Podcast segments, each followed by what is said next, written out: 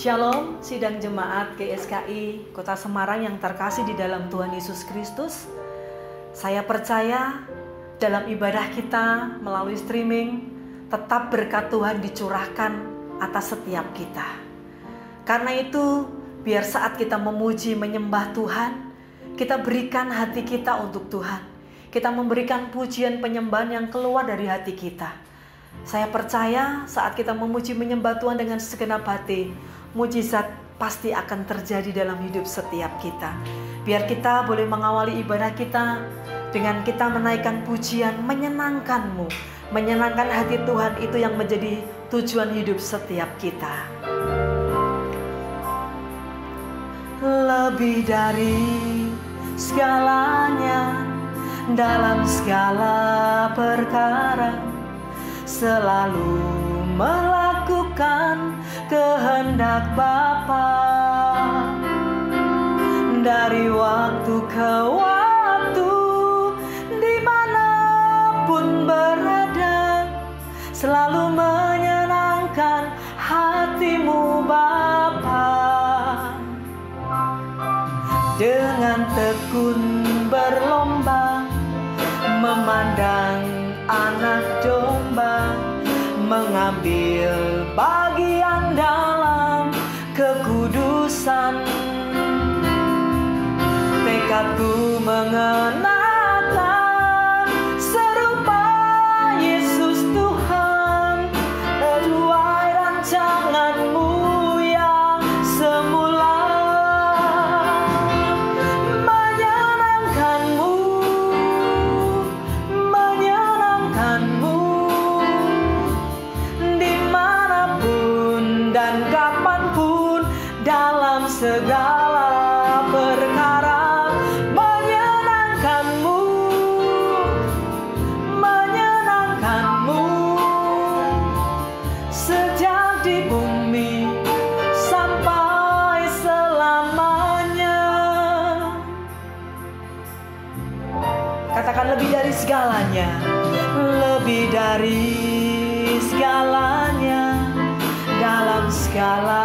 perkara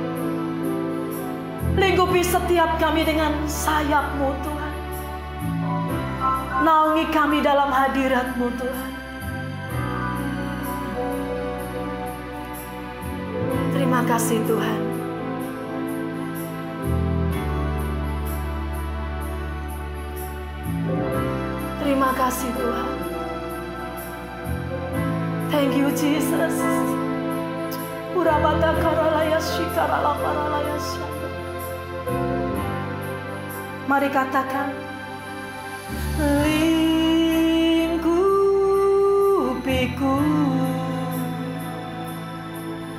dengan sayapmu. Now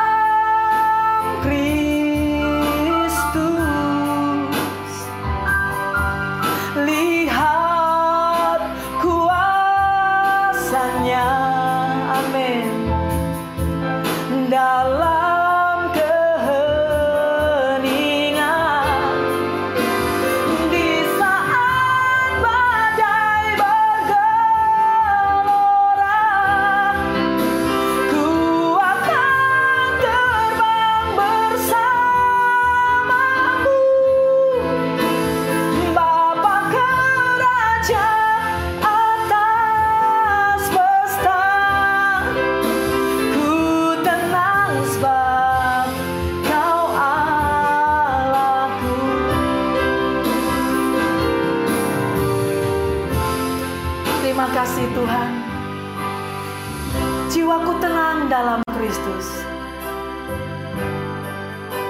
Thank you, Jesus. Chihuahua.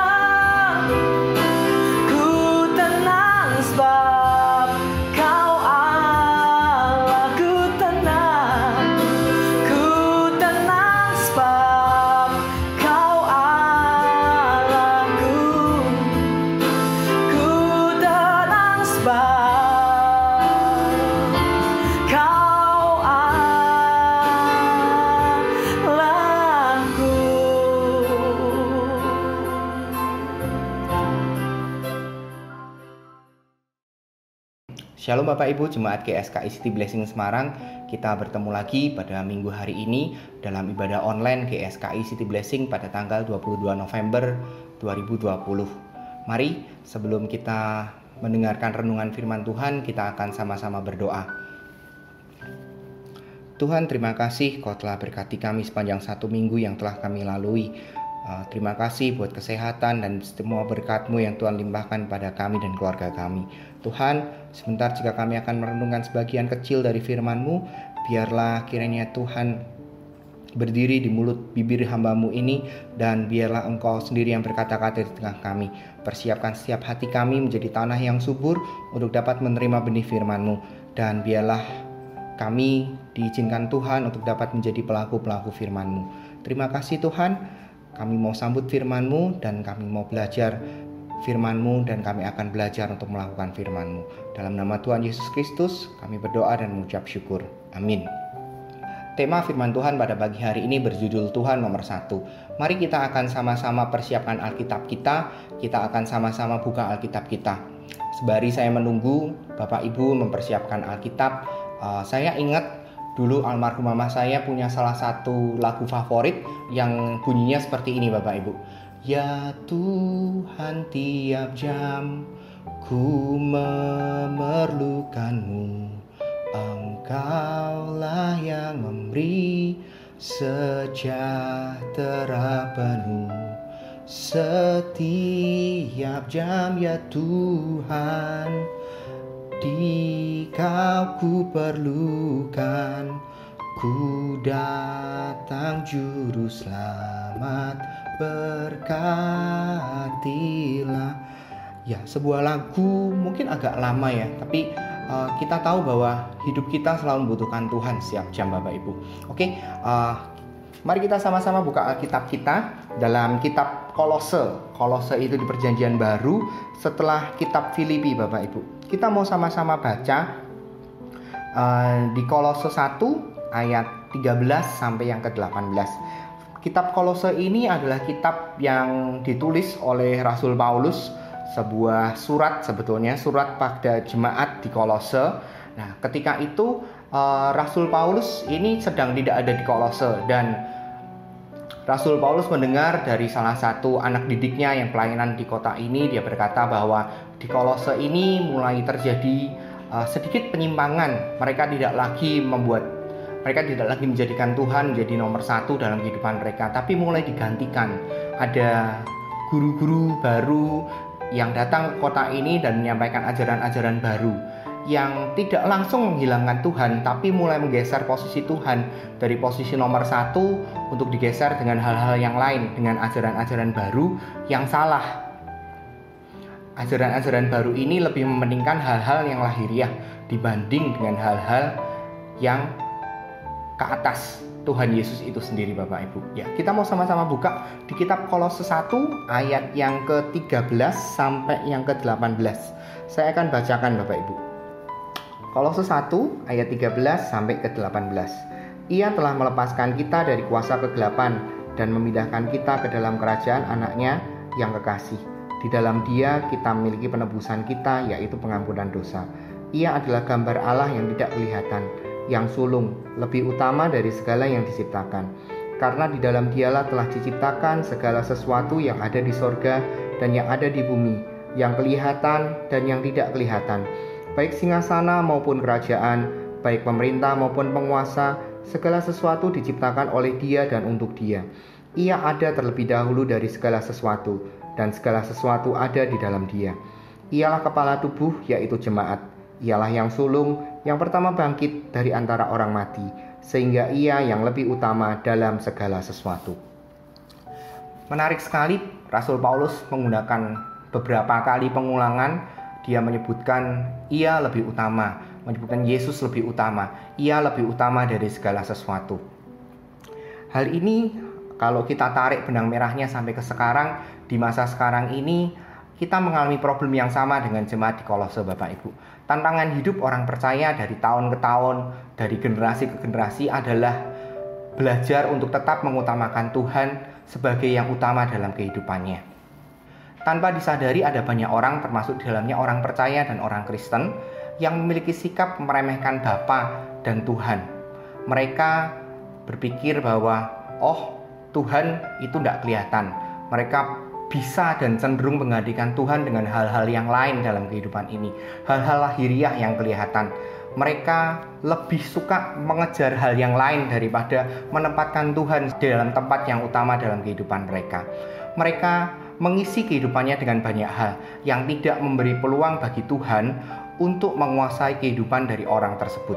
Mereka merasa bahwa segenap hidup mereka itu bukan punya Tuhan, tapi masih milik mereka. Orang-orang Kristen yang seperti ini biasanya juga bukan orang Kristen yang jahat, Bapak Ibu. Mereka bukan orang Kristen yang terus jadi orang yang troublemaker. Tidak, mereka akan tetap ada di antara kita. Mereka tetap ada di tengah-tengah jemaat. Mereka belajar sama-sama seperti orang yang lain. Bahkan mereka hidup sebagai anggota masyarakat yang baik. Karena problemnya bukan ada dalam pola perilaku mereka, tapi problemnya ada dalam pola pemikiran mereka. Mereka bisa dipandang rohani dan mungkin saja menjadi pejabat atau aktivis gereja. Di mata manusia, mereka adalah orang-orang yang layak untuk masuk ke dalam kerajaan surga, tapi mungkin tidak demikian di mata Tuhan. Orang-orang Kristen yang seperti ini, meskipun rajin ke gereja, bahkan mungkin menjadi aktivis atau pelayan gereja, mereka tidak sungguh-sungguh untuk mencapai kesucian atau hidup yang tidak bercacat sesuai dengan standar yang Tuhan mau. Mereka masih mengharapkan bisa bahagia di dunia ini. Padahal sebagai orang Kristen, sebagai orang percaya yang telah diubahkan, orang yang telah ditebus oleh Tuhan, seharusnya mereka belajar untuk hidup dengan standar manusia baru. Nanti kita akan bahas ini lebih lanjut. Kemudian kita akan buka di Alkitab kita pada masih di kitab Kolose. Kita akan buka di Kolose yang pertama ayat 28 dan 29. Saya akan bacakan Kolose 1 ayat 28 sampai ke 29. Dialah yang kami beritakan apabila tiap-tiap orang kami nasihati dan tiap-tiap orang kami ajari dalam segala hikmat untuk memimpin tiap-tiap orang kepada kesempurnaan dalam Kristus. Itulah yang kuusahakan dan kupergumulkan dengan segala tenaga sesuai dengan kuasanya yang bekerja dengan kuat di dalam aku. Masalah kedua jemaat kolose sama seperti saat ini tantangannya masih sama. Tadi yang pertama adalah bagaimana tetap menempatkan Tuhan sebagai yang utama dalam kehidupan. Yang kedua adalah bertumbuh. Kadang kita tidak mengalami pertumbuhan Bapak Ibu. Masalah orang Kristen, orang-orang percaya adalah mereka tidak mengalami pertumbuhan, mereka tidak bertumbuh menjadi orang Kristen yang dewasa, orang percaya yang mengalami pertumbuhan menjadi dewasa yang rohani. Biasanya orang-orang Kristen yang seperti ini masih tidak merasa sebagai anak-anak Allah. Mungkin mereka masih menjadi anak-anak Allah yang tidak sah atau notos. Tapi Tuhan pingin orang-orang yang seperti ini juga belajar supaya mereka bisa menjadi anak-anak Allah yang sah, anak-anak Allah yang huyos Bapak Ibu, anak-anak Allah yang mengerti bahwa apa pun yang terjadi dalam kehidupan mereka itu adalah rencana Tuhan. Jadi jangan cuma mau terima yang baik-baik saja, tapi kalau Tuhan memberikan hal-hal yang mungkin dalam tanda kutip tidak enak, mereka juga akan tetap belajar mereka akan tetap bersandar kepada Tuhan. Mereka tetap menempatkan Tuhan pada posisi yang utama dan mereka tetap bertumbuh menjadi orang Kristen, anak-anak anak Allah yang mengalami pertumbuhan untuk menjadi dewasa yang rohani. Beberapa minggu yang lalu waktu saya sedang buka-buka YouTube, saya lihat di thumbnail YouTube saya itu ada salah satu video klip dari salah satu grup band yang saya ngefans sama grup band ini dari zaman SMP dan waktu awal-awal grup band ini lagi dibentuk Bapak Ibu. Grup band ini berasal dari Bandung. Dan salah satu lirik dalam lagu hitsnya mereka itu berbunyi seperti ini. Ada hati yang termanis dan penuh cinta Tentu saja kan ku balas seisi jiwa Waktu dengerin lagu itu tiba-tiba terbesit pemikiran seperti ini di hati saya Eh, orang dunia aja tahu loh kalau ada hati yang termanis dan penuh cinta itu layak untuk dibalas dengan segenap jiwa. Kita punya Tuhan yang baik Bapak Ibu. Kita punya Tuhan yang luar biasa mengasihi kita. Yang selalu memberi kita kesempatan. Ketika kita jatuh dalam dosa, ia tetap memberi kita kesempatan untuk kita berbalik ke jalannya. Selama kita hidup, berarti selama itu pula kita masih diberi kesempatan oleh Tuhan. Jangan main-main dengan kehidupan kita Bapak Ibu. Ya, mari kita juga belajar membalas kebaikan Tuhan yang seperti ini dengan segenap jiwa kita. Kita pagi hari ini mau belajar tiga hal. Bagaimana untuk dapat tetap menempatkan Tuhan di posisi yang utama. Yang pertama, kita akan sama-sama buka di kitab Kolose yang ketiga Bapak Ibu. Kitabnya tidak uh, masih di kitab yang sama ya, cuma mundur beberapa lembar. Kita akan baca sama-sama di Kolose yang ketiga ayat 1 sampai yang ketiga. Saya akan bacakan untuk Bapak Ibu.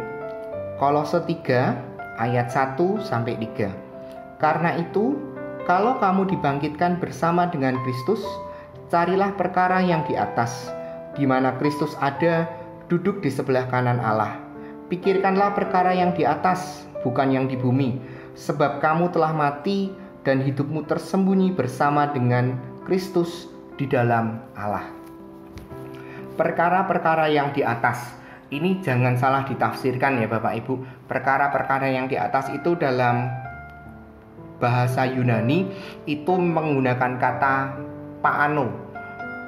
Ini artinya hal-hal yang terutama, hal-hal yang lebih tinggi atau lebih mulia dari segala sesuatu. Orang yang tidak mengutamakan Tuhan tidak mungkin akan mencapai kualitas maksimal dalam kehidupannya. Apa ini kualitas maksimal? Kualitas maksimal adalah hidup yang sesuai dengan maksud kenapa Tuhan menciptakan kita di dunia ini. Setiap manusia diciptakan unik oleh Tuhan Bapak Ibu. Dan tugas kita di dunia ini adalah mengetahui apa sih rencana Tuhan atas hidupku untuk dunia ini. Saya mesti berbuat apa dalam kehidupan kita. Kalau kita tidak mengutamakan Tuhan, kita tidak menempatkan Tuhan di posisi yang paling utama dalam kehidupan kita, kita pasti gagal menemukan rencana Tuhan. Untuk apa aku ada di dunia ini? kita akan meleset dari panggilan Tuhan Bapak Ibu. Kita akan hamartia, kita tidak akan mencapai sasaran dalam kehidupan kita Bapak Ibu. Maksimalitas dari orang, anak-anak Tuhan, orang percaya itu tidak diukur dengan hal-hal yang duniawi Bapak Ibu. Tuhan tidak mengukur kesuksesan, maksimalitas hidup kita dengan apa yang kita miliki di dunia ini. Tuhan tidak mengukur seberapa banyak uang yang kita punya, seberapa banyak mobil atau perusahaan atau pabrik yang kita punya. Tapi Tuhan mengukur kita dengan sejauh mana kita mengutamakan Tuhan.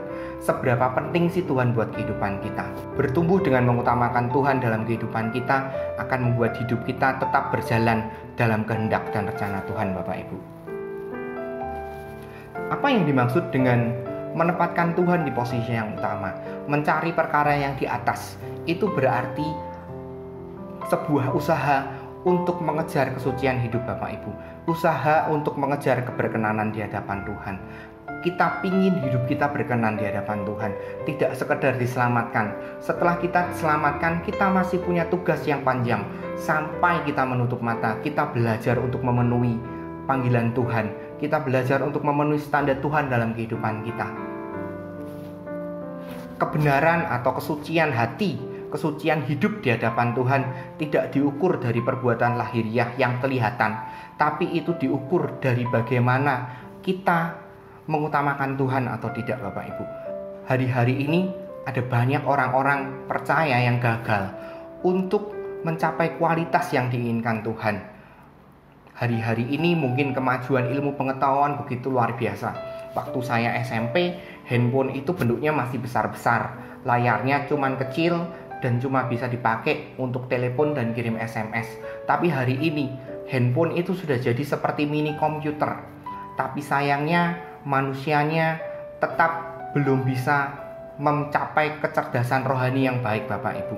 Manusianya masih belum bisa mengembangi dengan kecerdasan untuk mencari kehendak Tuhan dan mengutamakan Tuhan dalam kehidupannya. Sehingga banyak kehidupan orang-orang di bumi ini meleset karena kehidupan mereka tidak dipersembahkan kepada Tuhan.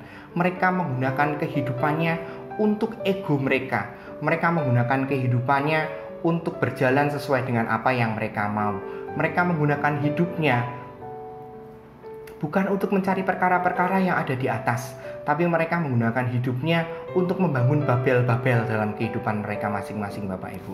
Seharusnya anak-anak Tuhan tidak belajar untuk membangun babel-babel dalam kehidupan mereka. Seharusnya anak-anak Tuhan tetap setia untuk mencari perkara-perkara yang di atas. Menjadi aktivis atau pelayan Tuhan atau mungkin pendeta sekalipun tidak berarti kehidupannya sudah mencerminkan bahwa ia mengutamakan Tuhan. Secara lahiriah mungkin bisa terlihat seperti itu Bapak Ibu. Tapi kita tahu, setiap kita memiliki monster dalam kehidupan kita. Monster-monster kita adalah manusia lama kita yang bisa kita kekang, tapi tidak bisa kita hilangkan. Manusia lama ini harus diperbarui, Bapak Ibu. Kita yang punya keputusan mau membiarkan manusia lama ini, atau kita akan mengubah manusia lama ini perlahan-lahan menjadi manusia baru sesuai dengan standar Kristus. Kita mencoba tidak sekedar mencoba menjinakkan monster dalam kehidupan kita, tapi kita mengubah dan membuang monster ini jauh-jauh dari kehidupan kita Bapak Ibu. Salah satu hal yang paling merusak kehidupan orang percaya adalah mereka menjadikan Tuhan sama seperti suplemen. Hari-hari ini di masa pandemi seperti ini, kita mungkin sering dengar ya, eh kamu sudah minum suplemen belum? Eh minum vitamin yang banyak. Ya, kadang kesalahan kita dan kesalahan banyak orang percaya adalah mereka menempatkan Tuhan sebagai suplemen.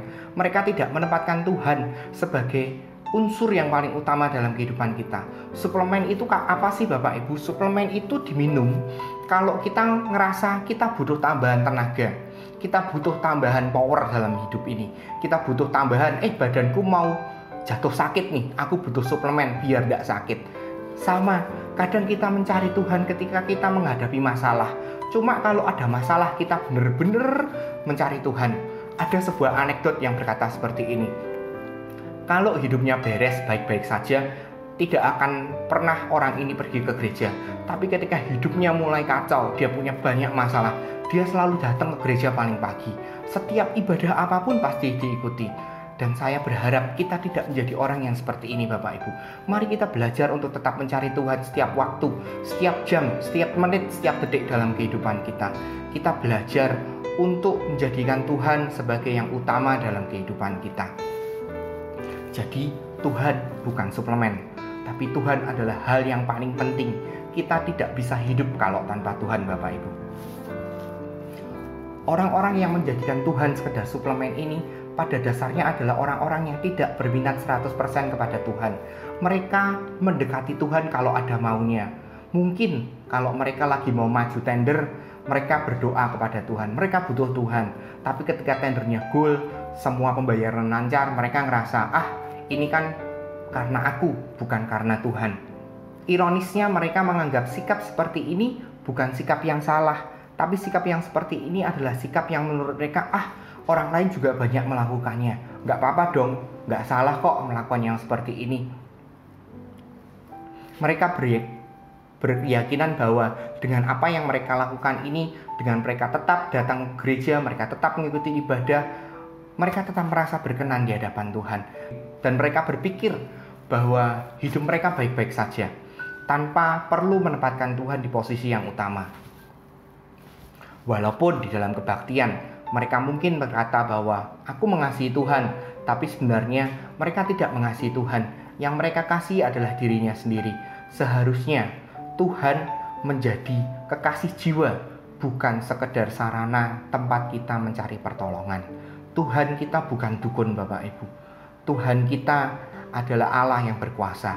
Hendaknya kita dengan rendah hati senantiasa berusaha untuk menempatkan Tuhan sebagai yang paling utama dalam kehidupan kita. Sesungguhnya Tuhan rindu ketika kita belajar untuk mencari Tuhan, ketika kita mau untuk terus-menerus mencari Tuhan, Bapak Ibu. Dia ingin kita menjadikan Tuhan segalanya dalam kehidupan kita, bukan hanya dilibatkan ketika kita merasa punya masalah, ketika kita punya persoalan-persoalan hidup, Mari kita belajar menjadikan Tuhan tujuan hidup dan kesukaan kita. Mari kita mulai belajar kebenaran firman Tuhan yang berkuasa untuk mengubah pola berpikir kita yang salah Bapak Ibu. Dalam Alkitab, Tuhan dengan tegas mengatakan, Jangan ada Allah lain di hadapanku. Ini bukan suatu perintah yang mudah dilakukan. Di masa modern sekarang ini, ada banyak hal yang bisa menggantikan posisi Tuhan dalam kehidupan kita. Ada pekerjaan, ada hobi, ada kesenangan kita, bahkan mungkin ada uang yang bisa menggantikan Tuhan sebagai yang utama dalam kehidupan kita di hari-hari ini, Bapak Ibu. Tapi, meskipun Tuhan tidak terlihat secara fisik, Tuhan memberikan perintah ini supaya seolah-olah seperti memaksa manusia, memaksa bangsa Israel untuk tidak ada Allah lain di hadapan Tuhan, untuk tetap menjadikan Tuhan yang utama untuk tetap menjadikan Tuhan yang pertama dalam kehidupan umatnya. Tapi sebetulnya Tuhan tidak memaksa manusia. Di dalam setiap diri kita Tuhan memberikan sebuah kehendak bebas Bapak Ibu. Sebuah kehendak bebas yang harus memberikan respon yang baik atas perintah Tuhan. Kalau kita mau merespon, berarti kita menanggapi panggilan Tuhan. Tapi kalau kita berkata bahwa, oh aku nggak mau, berarti itu kita menolak panggilan Tuhan. Mari kita pilih yang benar Bapak Ibu kita belajar jadi anak-anak Tuhan yang mau merespon panggilan Tuhan dengan benar. Mari kita tetap mencari perkara-perkara yang di atas, hal-hal yang utama. Kita mengutamakan Tuhan, kita selalu mencari Tuhan dalam setiap kehidupan kita Bapak Ibu. Kemudian yang kedua, yang kedua kita mau baca di dalam kitab Kolose 3 ayat 5 sampai 10. Saya akan bacakan untuk Bapak Ibu. Kolose 3 ayat 5 sampai yang ke-10. Judul perikopnya berkata, manusia baru. Karena itu, matikanlah dalam dirimu segala sesuatu yang duniawi, yaitu percabulan, kenajisan, hawa nafsu, nafsu jahat, dan juga keserakahan, yang sama dengan penyembahan berhala. Semuanya itu mendatangkan murka Allah atas orang-orang durhaka. Dahulu kamu juga melakukan hal-hal itu ketika kamu hidup di dalamnya. Tetapi sekarang buanglah semuanya ini, yaitu marah, geram, kejahatan, fitnah, dan kata-kata kotor yang keluar dari mulutmu. Jangan lagi kamu saling mendustai, karena kamu telah menanggalkan manusia lama serta kelakuannya, dan telah mengenakan manusia baru yang terus-menerus diperbaharui untuk memperoleh pengetahuan yang benar menurut gambar kaliknya. Yang kedua, bagaimana kita mau, bagaimana kita bisa menempatkan Tuhan sebagai yang utama dalam kehidupan kita. Kita belajar untuk meninggalkan manusia lama kita dan mengenakan manusia baru. Kita belajar untuk mengikuti standar Tuhan Bapak Ibu. Mengutamakan Tuhan dalam hidup seseorang dimulai dengan kesadaran untuk orang ini tahu siapa dirinya, siapa dirinya di hadapan Tuhan, siapa dia di dunia ini. Tapi kesadaran ini saja tidak cukup Bapak Ibu. Seminggu sekali pergi ke gereja tidak akan membuat kita berubah. Membaca buku mungkin juga tidak akan membuat kita berubah Bapak Ibu pola pikir kita akan dengan gampang dirubah, dirusak oleh lingkungan yang bisa merusak kebenaran yang kita yakini. Sebab sulit bagi seseorang untuk menghayati kebenaran. Itu butuh proses yang terus-menerus Bapak Ibu. Kecuali kita benar-benar mau serius menghayati kebenaran lewat doa, lewat persekutuan dengan saudara seiman, lewat persekutuan dengan Tuhan secara pribadi, maka itu mungkin saja. Hal-hal yang tadi disebutkan di atas adalah cara untuk kita membangun peta berpikir yang permanen, yang baru di dalam kehidupan kita, supaya kita punya pola pikir yang baru, pola pikir yang berbeda dari pola pikir manusia lama kita, Bapak Ibu. Ini sama seperti proses inkubasi dalam hidup kita untuk kita benar-benar bisa menghayati kebenaran, untuk kita bisa selalu mengutamakan Tuhan dalam kehidupan kita. Mengapa orang tidak bisa untuk menempatkan Tuhan di posisi yang utama Bapak Ibu. Karena mereka masih menganggap kekristenan sebagai agama. Sebetulnya kekristenan ini bukan sekedar agama. Kekristenan ini bicara tentang hubungan antara manusia dengan Tuhan yang hidup. Agama biasanya menjadikan janji-janji untuk bisa melewati kehidupan dengan lebih nyaman, dengan lebih baik. Tapi Tuhan tidak pernah menjanjikan hal yang demikian Bapak Ibu. Tuhan tidak pernah janji bahwa semuanya akan mulus dan baik-baik saja. Yang Tuhan janjikan adalah bahwa Ia selalu ada untuk menopang kehidupan kita, Bapak Ibu.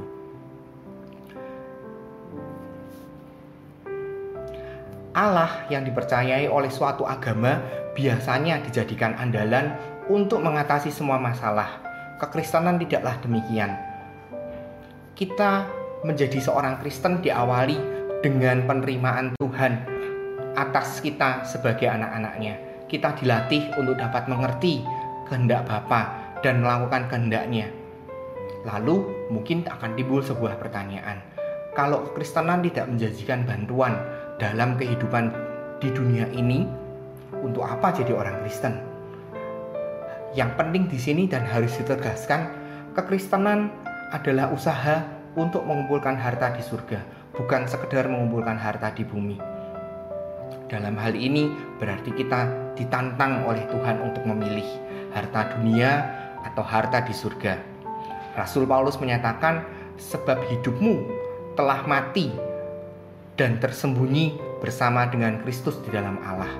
Hidup kita ini adalah milik Allah, Bapak Ibu Makanya kita harus belajar untuk terus-menerus diperbaharui dengan pikiran manusia baru kita, supaya kita memiliki peta berpikir yang baru sebagai manusia baru, sesuai dengan kehendak Allah, sesuai dengan apa yang Bapak kehendaki dalam kehidupan kita.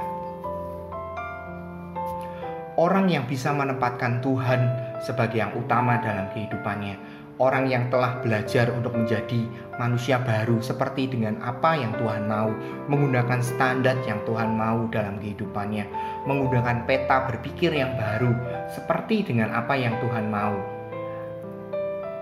Harus belajar untuk menggunakan irama yang sama dengan irama yang dikerjakan oleh Tuhan.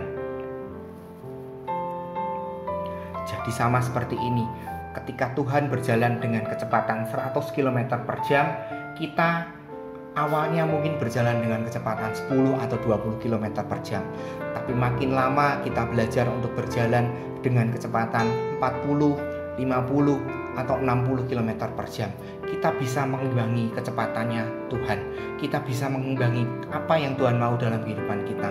Kita tidak lagi sering meleset dalam kehendak Tuhan, tapi kita belajar untuk menyatukan irama hidup kita sesuai dengan irama kehidupan yang Tuhan mau atas hidup kita Bapak Ibu.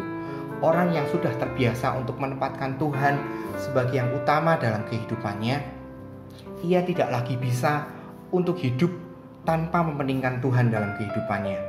Semakin lama orang yang bisa menempatkan Tuhan sebagai yang utama dalam kehidupannya akan berjalan makin seimbang dengan kehendak Bapa di surga seimbang sama seperti Yesus yang bersedia untuk melepaskan semua haknya demi pekerjaan Allah. Inilah keseimbangan yang Tuhan mau. Seperti inilah manusia baru yang Tuhan mau, yaitu manusia baru yang seimbang dengan Tuhan sehingga sama-sama bisa mengikul kuk. Dalam Matius 11 ayat 28 sampai ke 29. Saya akan bacakan untuk Bapak Ibu. Matius 11 ayat 28 sampai 29. Marilah kepadaku semua yang letih lesu dan berbeban berat. Aku akan memberi kelegaan kepadamu. Pikulah kuk yang kupasang dan belajarlah kepadaku, karena aku lemah lembut dan rendah hati, dan jiwamu akan mendapat ketenangan. Kuk ini sama seperti alat yang dipasang uh, biasanya butuh dua ekor sapi atau kerbau untuk menarik satu bajak dan kuknya ini adalah pengunci. Beban kuknya ini dibagi kepada satu sapi dan satu sapi yang lain. Jadi bebannya dibagi dua. Tuhan ingin kita bisa memikul kuk yang bersama, sama seperti ini Bapak Ibu. Kita sama-sama seimbang, jadi tidak berat sebelah. Kita belajar untuk mengimbangi apa yang Tuhan mau dalam kehidupan kita. Jadi kita berjalan enak. Kita belajar untuk mengikuti apa yang Tuhan mau itu tidak lagi terasa berat Bapak Ibu itu adalah salah satu cara kita melatih diri kita untuk tetap menempatkan Tuhan sebagai yang terutama dalam kehidupan kita. Orang yang mengutamakan Tuhan, orang yang menempatkan Tuhan sebagai yang terutama dalam kehidupannya adalah orang yang bisa untuk mengasihi Tuhan dengan segenap hati, segenap jiwa, dan segenap akal budi. Jika tidak, orang-orang seperti ini mungkin masih bisa terlibat dalam pelayanan ataupun dalam aktivis gereja, tapi Biasanya, ketika orang-orang ini mengalami rasa yang tidak enak hati, mereka merasa kecewa, mereka akan memberikan reaksi yang berdampak kepada pelayanan yang mereka lakukan. Mari kita belajar tidak untuk menjadi seperti orang-orang yang seperti ini. kita belajar tetap menempatkan Tuhan di posisi yang seharusnya, yang terutama dalam kehidupan kita, sesuai dengan standar manusia baru yang Tuhan kenakan. Ketika kita belajar untuk menerima Yesus sebagai juru selamat kita dan kita belajar untuk menyesuaikan hidup kita sebagai anak-anak Allah sesuai dengan apa yang Tuhan inginkan. Yesus adalah contoh teladan kita, role model kita untuk mengerti seperti ini loh yang Bapak mau. Mari kita belajar seperti Yesus Bapak Ibu. Yesus all out dalam kehidupan ini. Dia selalu mengutamakan kehendak Bapaknya. Mari kita juga belajar untuk all out dalam kehidupan ini. Selalu mengutamakan Tuhan dalam setiap kehidupan kita. Dalam setiap aspek dan unsur kehidupan kita. Yang ketiga Bapak Ibu. Kita akan sama-sama kembali buka kitab Kolose pasal yang ketiga ayat 15 sampai 17. Kolose 3 ayat 15 sampai 17. Hendaklah damai sejahtera Kristus memerintah dalam hatimu, karena untuk itulah kamu telah dipanggil menjadi satu tubuh, dan bersyukurlah, hendaklah perkataan Kristus diam dengan segala kekayaannya di antara kamu, sehingga kamu dengan segala hikmat mengajar dan menegur seseorang akan yang lain dan sambil menyanyikan mazmur dan puji-pujian dan nyanyian rohani, kamu mengucap syukur kepada Allah di dalam hatimu.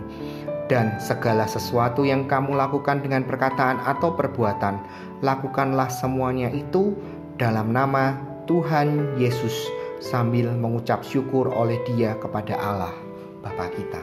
Yang ketiga, bagaimana kita bisa selalu belajar untuk menempatkan Tuhan sebagai yang nomor satu, yang terutama dalam kehidupan kita. Kita belajar untuk senantiasa bersyukur, Bapak Ibu. Orang-orang yang mengutamakan Tuhan dalam kehidupannya adalah orang-orang yang bertumbuh menjadi orang-orang yang dewasa secara rohani. Bukan fisiknya secara lahiriah bertumbuh di dunia ini, tapi rohaninya juga bertumbuh dalam dunia ini. Pola pikir, peta pemikiran barunya juga setiap hari diperbarui Bapak Ibu pola pikir mereka membuat peta baru yang permanen dalam kehidupannya. Hari ke hari semakin diperbaharui Bapak Ibu. Orang-orang seperti ini adalah orang-orang yang senantiasa belajar untuk melihat yang terbaik yang Tuhan berikan dalam kehidupannya. Bukan berarti orang-orang yang seperti ini tidak punya masalah, tapi orang-orang ini memilih untuk tetap melihat Tuhan, bukan melihat masalahnya.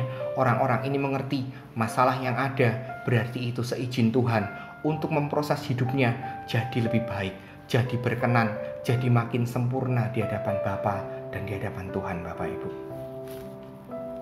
Mari kita buka sama-sama dalam kitab Matius 11 ayat 25 sampai ke 27. Saya akan bacakan untuk Bapak Ibu Matius 11 ayat 25 sampai 27. Judul perikopnya berbunyi ajakan juru selamat. Pada waktu itu berkatalah Tuhan Yesus, Aku bersyukur kepadamu Bapa, Tuhan langit dan bumi, karena semuanya itu engkau sembunyikan bagi orang bijak dan orang pandai, tetapi engkau nyatakan kepada orang kecil. Ya Bapa, itulah yang berkenan kepadamu. Semua telah diserahkan kepadaku oleh Bapakku, dan tidak seorang pun mengenal anak selain Bapa, dan tidak seorang pun mengenal Bapa selain anak dan orang yang kepadanya anak berkenan menyatakannya. Bapak Ibu, latar belakang penulisan Injil Matius ini adalah waktu di mana Tuhan Yesus pada pelayanannya mulai ditolak di tempat di mana dia melayani dan ada banyak cerita dalam Alkitab di mana Tuhan Yesus yang menjadi role model bagi kehidupan kita tidak diterima bahkan mungkin dalam hidup Yesus pada waktu itu, dalam kehidupan Tuhan Yesus pada waktu itu, sebetulnya itu bukan waktu yang pas untuk Tuhan Yesus, untuk Yesus bisa berkata, "Bapak, aku bersyukur." Akan lebih pantas kalau waktu itu mungkin di Alkitab tertulis Yesus mengeluh karena keadaannya memang cukup berat dan mungkin bisa membuat orang mengeluh. Tapi Yesus tidak demikian Bapak Ibu. Yesus tetap bersyukur dan memberikan respon yang membuat dia berkenan di hadapan Bapa. Saat keadaan kita seolah-olah tidak bisa kita melihat lagi ke arah depan. Sama seperti di hari-hari ini ketika kita nggak pernah tahu pandeminya ini akan selesai kapan. Update terakhir menurut Pak Jokowi vaksin akan siap di bulan Desember. Tapi itu juga masih belum tentu. Tapi kita sama-sama berdoa dan berharap yang terbaik Bapak Ibu. Mungkin kita hari-hari ini ngerasa kok kayaknya tidak seenak waktu pandemi ini belum ada. Sekarang kerjaannya susah. Kita tidak bisa punya omset yang sama seperti tahun kemarin. Mungkin pekerjaan kita tidak lagi menghasilkan sama seperti tahun-tahun sebelumnya dan kita tidak mengerti kondisi ini akan berlangsung sampai kapan. Belajarlah untuk tetap bersyukur Bapak Ibu. Ketika kita tidak lagi bisa melihat ke depan, semuanya buntu dan tidak terlihat. Mari kita belajar untuk melihat ke atas. Kita melihat kembali kepada Tuhan. Ada salah satu quotes yang berbunyi seperti ini.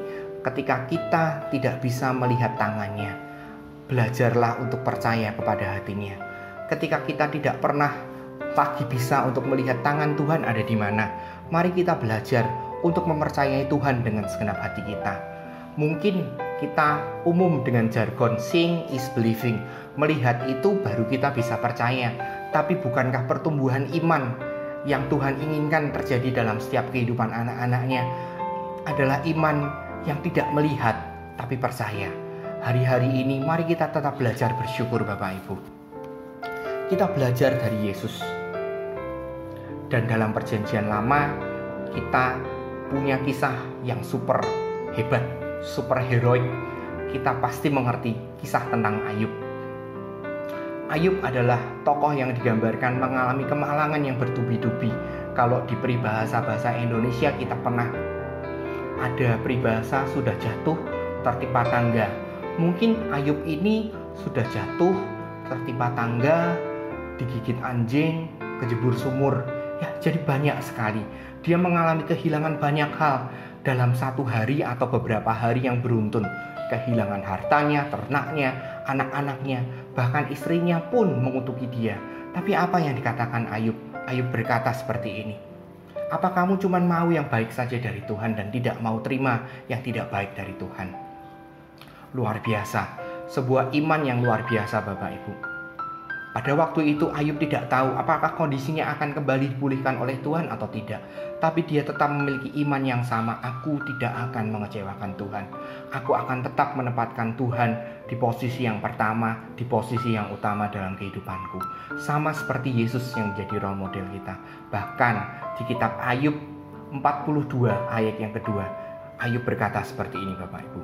Aku tahu bahwa engkau sanggup melakukan segala sesuatu dan tidak ada rencanamu yang gagal. Kita percaya bahwa Tuhan kita punya rencana yang pasti luar biasa untuk setiap kehidupan kita. Bersyukurlah karena Tuhan berdaulat atas hidup kita dan rancangan Tuhan adalah rancangan yang indah, penuh dengan damai sejahtera dan masa depan yang penuh harapan.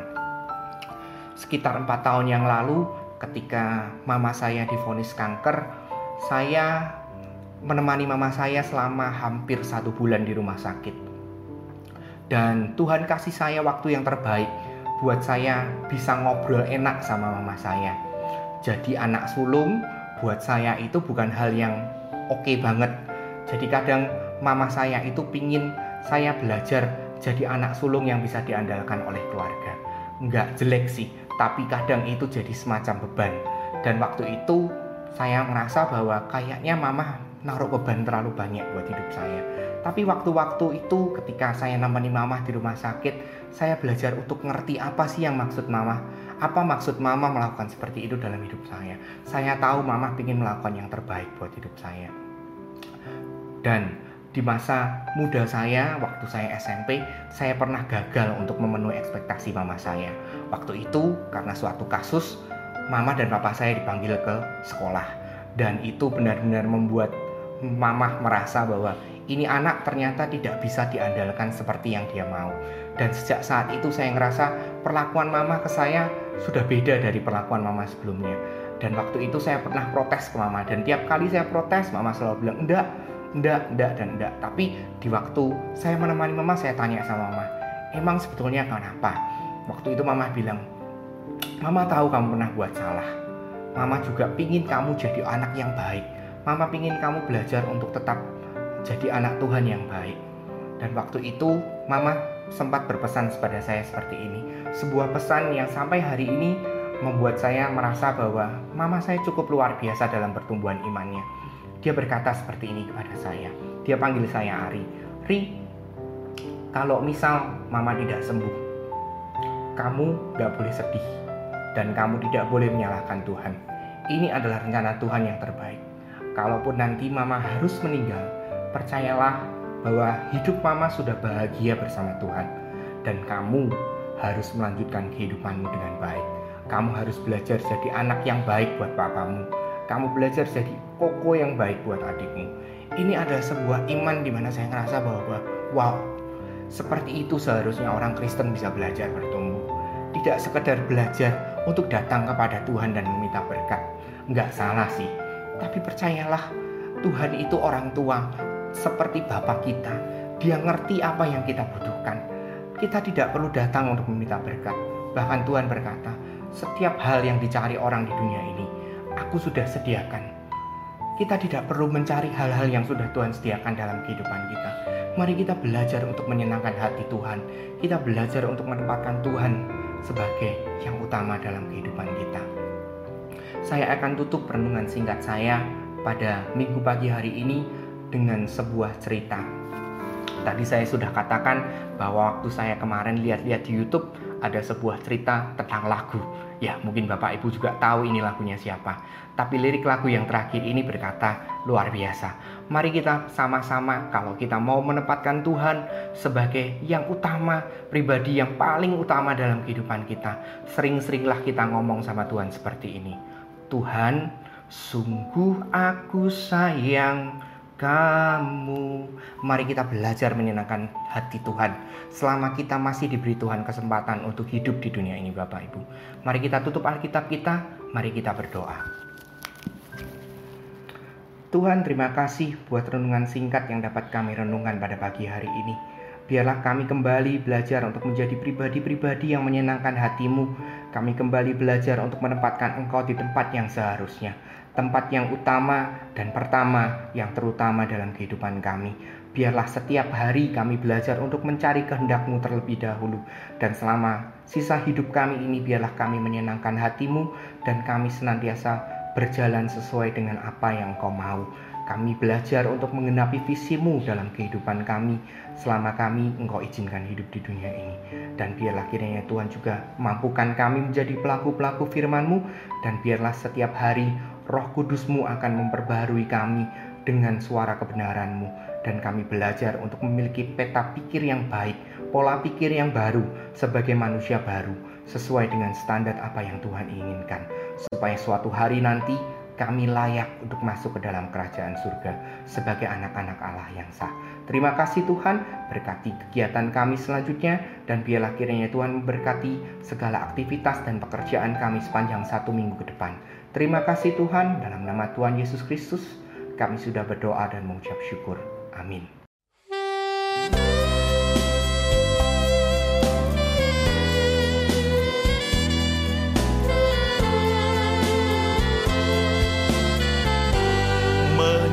Menyenangkan hati Tuhan. Lebih dari segalanya. Disingkatnya hidupku kesempatan berharga karena anugerahmu. Di renungan hati ini kata dan perbuatan.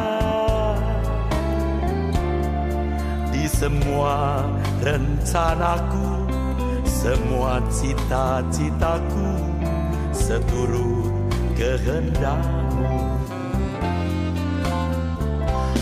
Engkau ciptakan aku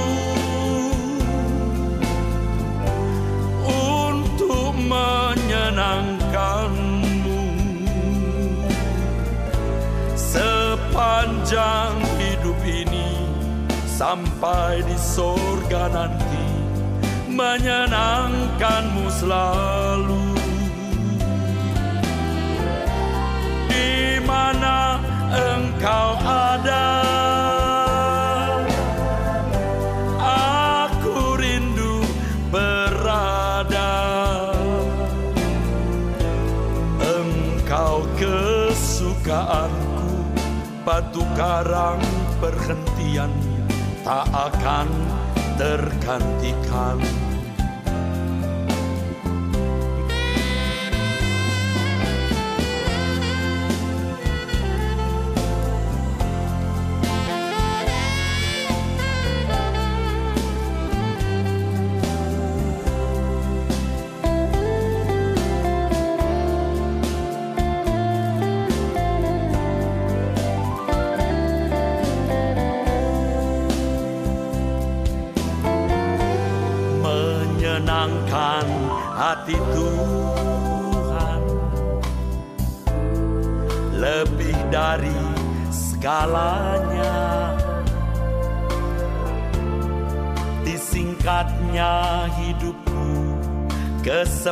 kesempatan berharga karena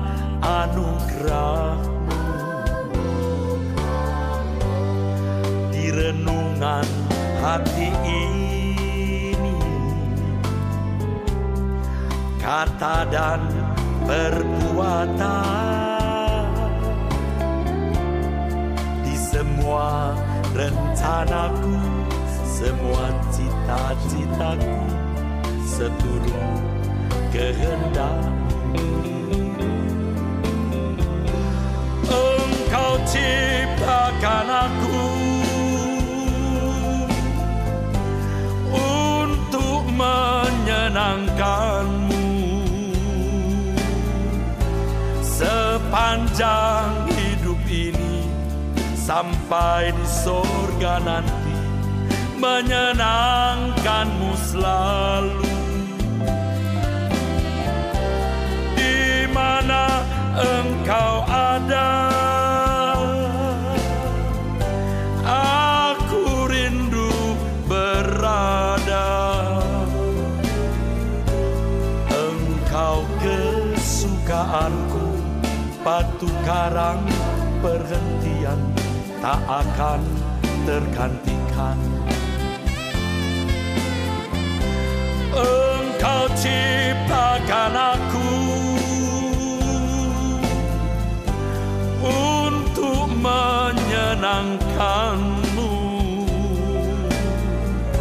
Sepanjang hidup ini sampai di sorga nanti menyenangkanmu selalu di mana engkau ada. Aku rindu berada.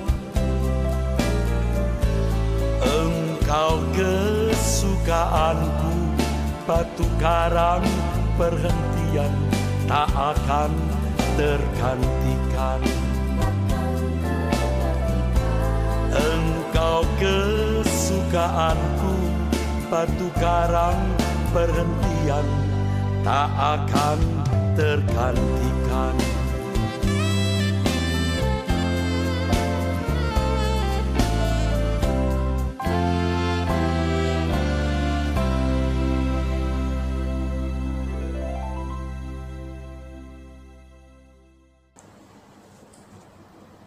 Saudaraku di kesulitan, angkat kedua tangan kita terima berkat yang daripada Tuhan. Haleluya, Jesus. Terima kasih Tuhan. Berkat Bapak Abraham, Bapak Isa dan Bapak Yakub di dalam iman kepada Yesus Kristus turun atasmu. Tuhan memberkati engkau dan melindungi engkau. Tuhan menyinari engkau dengan wajahnya dan memberi engkau kasih karunia. Tuhan menghadapkan wajahnya kepadamu dan memberi engkau damai sejahtera. Haleluya. Amin.